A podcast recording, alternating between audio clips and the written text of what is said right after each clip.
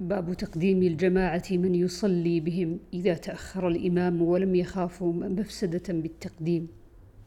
عن سهل بن سعد الساعدي رضي الله عنه أن رسول الله صلى الله عليه وسلم ذهب إلى بني عمرو بن عوف ليصلح بينهم، فهانت الصلاة، فجاء المؤذن إلى أبي بكر فقال: أتصلي بالناس فأقيم؟ قال: نعم. قال: فصلى أبو بكر فجاء رسول الله صلى الله عليه وسلم والناس في الصلاة فتخلص حتى وقف في الصف فصفق الناس. وكان أبو بكر لا يلتفت في الصلاة. فلما أكثر الناس التصفيق التفت فرأى رسول الله صلى الله عليه وسلم. فأشار إليه رسول الله صلى الله عليه وسلم أن امكث مكانك. فرفع أبو بكر يديه فحمد الله عز وجل على ما أمره به رسول الله صلى الله عليه وسلم من ذلك. ثم استأخر أبو بكر.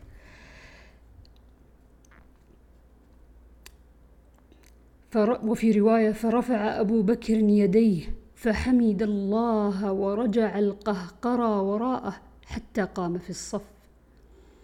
وتقدم النبي صلى الله عليه وسلم فصلى ثم انصرف. فقال يا أبا بكر ما منعك أن تثبت إذ أمرتك؟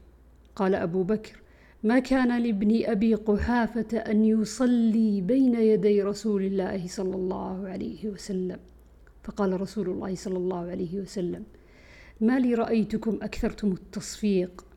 من نابه شيء في صلاته فليسبح فإنه إذا سبح التفت إليه وإنما التصفيح للنساء. وفي رواية فجاء رسول الله صلى الله عليه وسلم فخرق الصفوف حتى قام عند الصف المقدم. عن المغيرة بن شعبة أنه غزا مع رسول الله صلى الله عليه وسلم تبوك. قال المغيرة فتبرز رسول الله صلى الله عليه وسلم قبل الغائط فحملت معه إداوة قبل صلاة الفجر فلما رجع رسول الله صلى الله عليه وسلم إلي أخذت أهريق على يديه من الإداوة وغسل يديه ثلاث مرات ثم غسل وجهه ثم ذهب يخرج جبته عن ذراعيه فضاق كما جبته فأدخل يديه في الجبة حتى أخرج ذراعيه من أسفل الجبة وغسل ذراعيه إلى المرفقين.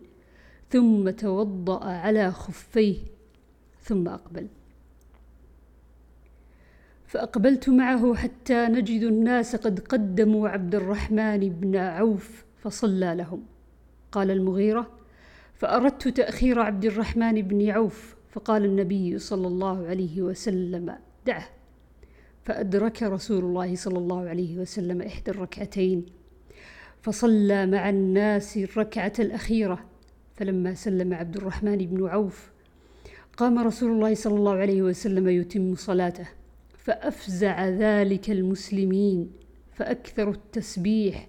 فلما قضى النبي صلى الله عليه وسلم صلاته أقبل عليهم ثم قال أحسنتم أو قال قد أصبتم. يغبطهم أن صلوا الصلاة لوقتها. باب تسبيح الرجل وتصفيق المرأة إذا نابهما شيء في الصلاة.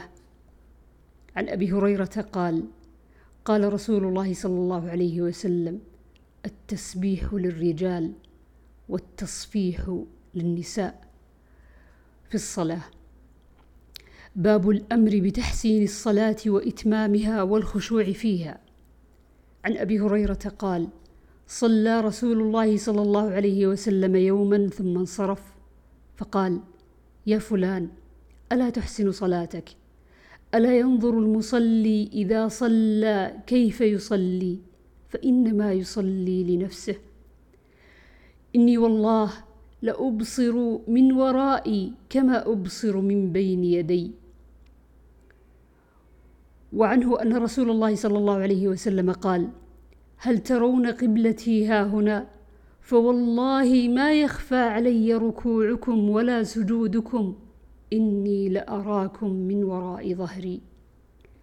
عن أنس بن مالك عن النبي صلى الله عليه وسلم قال أقيموا الركوع والسجود فوالله إني لأراكم من بعدي وربما قال من بعد ظهري.